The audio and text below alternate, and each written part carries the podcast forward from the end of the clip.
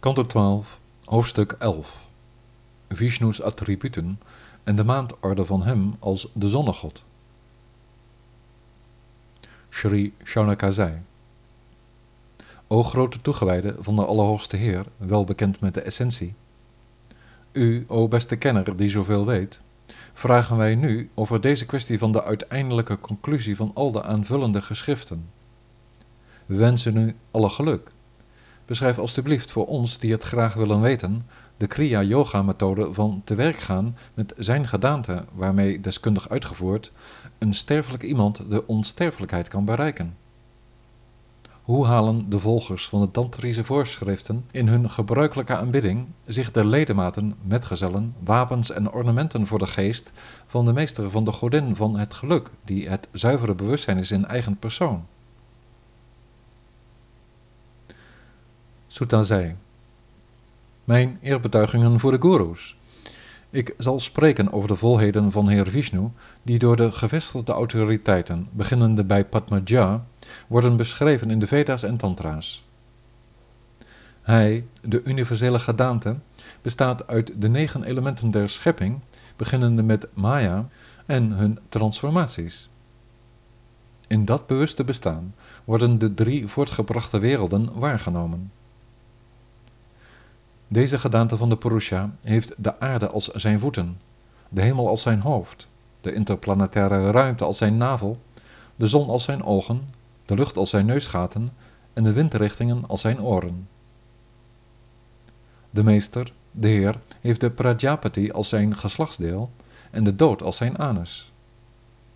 De absolute heerser heeft de plaatselijke heersers, de halfgoden, als zijn vele armen, de maan als zijn geest, Yama als zijn wenkbrauwen, de schaamte als zijn bovenlip en begeerte als zijn onderlip. Het maanlicht vormt de tanden, begoocheling vormt de glimlach, de bomen vormen de haren op het lichaam van de Almachtige Heer en de wolken zijn het haar op het hoofd van de Purusha. Net zoals men de afmetingen van een normaal individu kan bepalen door de spreiding van zijn ledematen te meten, kan men de afmetingen van hem, de gigantische persoon, vaststellen aan de hand van de spreiding der zonnestelsels. Het Kaustuba-juweel dat de ongeborene draagt, vertegenwoordigt het geestelijk licht van de individuele ziel. Het Srivatsa-teken op de borst van de Almachtige vertegenwoordigt de zich uitbreidende gloed daarvan. Zijn materiële energie bestaande uit verschillende combinaties van de natuurlijke geaardheden, wordt vertegenwoordigd door zijn bloemenslinger. Het gele gewaad dat hij draagt staat voor de Vedische versmaten en zijn heilige draad staat voor de drie letters tellende Aum.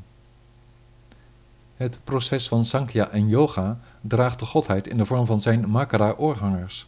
En zijn kroon, die al de werelden bevrijdt van angst, vertegenwoordigt de superieure bovenzinnelijke positie. De zitplaats waarop hij zich bevindt wordt Ananta genoemd, het slangenbed. Het is de niet geëvalueerde materie, pradana, de oereter, en de lotus, de troon van de Heer daarop, is de goedheid geassocieerd met dharma, spirituele kennis en zo meer.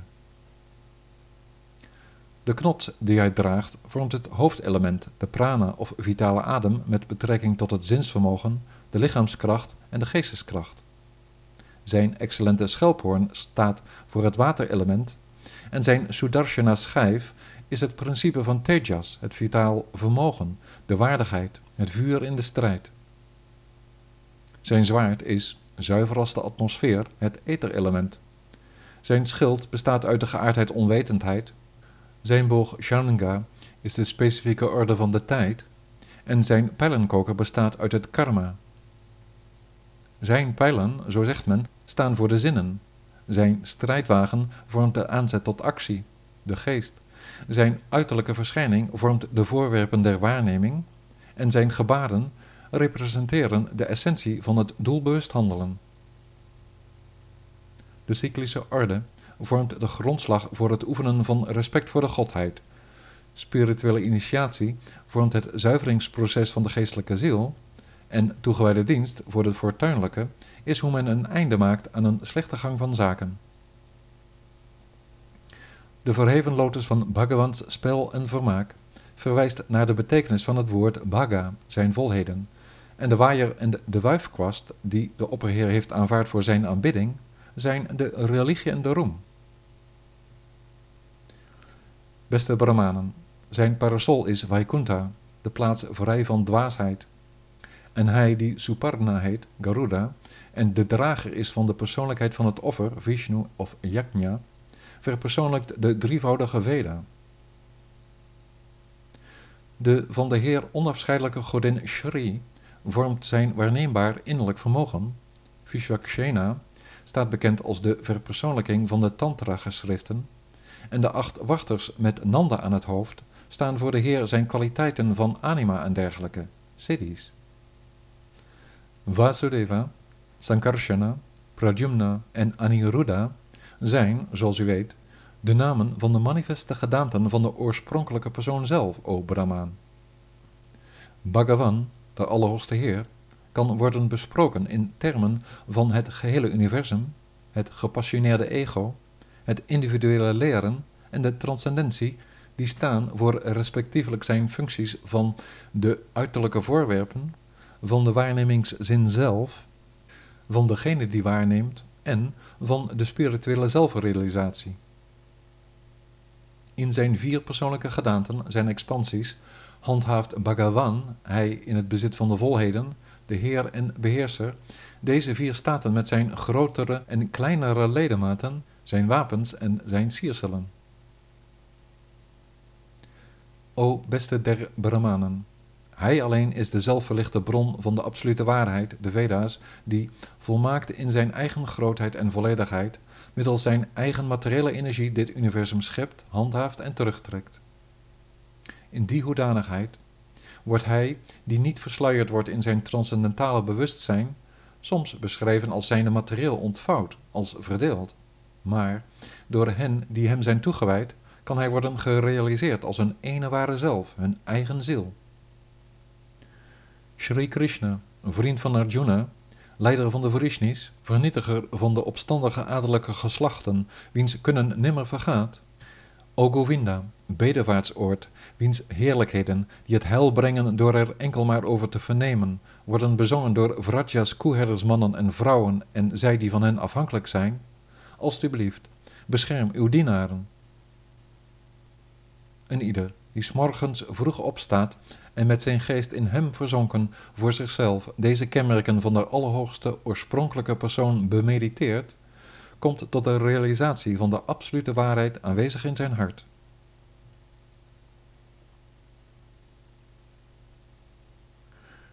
Sri Shaunaka De grote wijze Shuka beschreef voor de luisterende koning Parikshit de zeven paren van begeleiders van de zonnegod die iedere maand een verschillende positie innemen. Spreek alstublieft voor ons zo trouw over de namen en bewegingen van deze expansies van de Heer zijn manifestatie als Surya en de godheden die erbij betrokken zijn.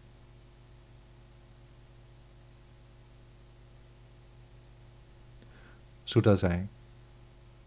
Deze regulator van al de planeten, de zon, die in hun midden ronddraait rondom de berg Meru, werd door de Heer in de gedaante van de tijd geschapen uit de protomateriële oerenergie pradana van Vishnu, de opperziel van alle belichaamde wezens.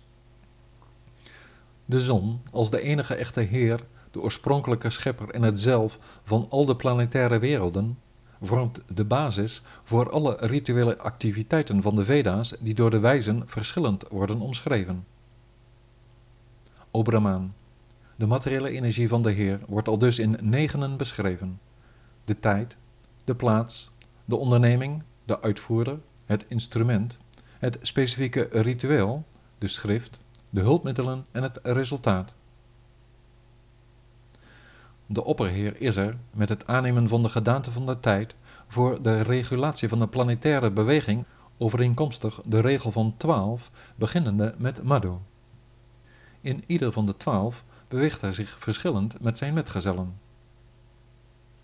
Data, Kritashtali, Heti, Vasuki, Ratakrit, Pulastya en Tumburu zijn degenen die heersen over de maand Madhu. Aryama, Punjikashtali, Praheti, Kachanira, Atauja, Pulaha en Narada zijn degenen die heersen over de maand Madhava. Mitra, Menaka, Parushya, Takshaka, Ratasvana, Atri en Haha zijn degenen die heersen over de maand Shukra. Varuna, Ramba, Chitrashvana, Shukra, Sahajanja, Vashishta en Huhu zijn degenen die heersen over de maand Shuchi. Indra, Pramlocha, Varya, Ilapatra, Shrota, Angira en Vishvashvasu zijn degenen die heersen over de maand Nabas.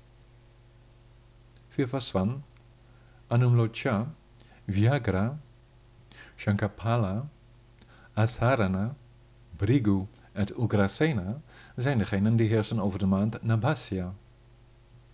Pusha, Gritachi, Vata, Dhananjaya, Suruchi, Gautama en Sushina zijn degenen die heersen over de maand Tapas. Pajanya, Senajit, Varcha, Ayaravata, Ritu, Bharadwaja en Vishwa zijn degenen die heersen over de maand Tapasya. Amshu, Urvashi, Vidyuchatru, Mahashankha, Tarksha, Kashyapa en Rita Sena zijn degenen die heersen over de maand Sahas. Bhaga, Purvachiti, Spurja, Karkotaka, Urna, Ayo en Arishtanemi zijn degenen die heersen over de maand Pushya. Tashta, Tilotama, Brahmapita, Kambalashva, Shatajit, Jamadagni, de zoon van Rechika, en Dhritarashtra als de Gandharva zijn degenen die heersen over de maand Isha. En Vishnu, Ramba, Makhapeta, Ashwatara, Satyajit, Vishwamitra en Suryavarcha zijn degenen die heersen over de maand Urja. Al deze vormen de heerlijkheden van Vishnu, de allerhoogste persoonlijkheid van God in de gedaante van de zonnegod. Zij nemen van hen die dag na dag, s morgens en s avonds aan hen denken, de terugslagen van de zonde weg. De Heer, die zich als de Deva met zijn metgezellen al dus in alle richtingen door dit universum beweegt, verspreidt daarmee in ieder van de twaalf maanden een zuivere bewustzijn voor zijn bewoners in dit en een volgend leven. Terwijl de wijzen hem verheerlijken met de Sama, Rik en Yajur hymnen die zijn identiteit openbaren, zingen de Gandharva's hardop over hem, dansen de Apsara's recht voor hem, maken de Naga's de wagen klaar, spannen de Yakshas de paarden in en duwen de sterke Rakshasa's hem vooruit. Voor de wagen uit gaan de 60.000 zuivere Valakilya Brahmaanse wijzen van eerbetoon met gebeden voor de Almachtige. De ongeboren Heer Hari, de hoogste meester, hij van alle vermogens die zijn begin en einde niet kent, beschermt de werelden door zich aldus in iedere kalpa in al deze verschillende gedaanten uit te breiden.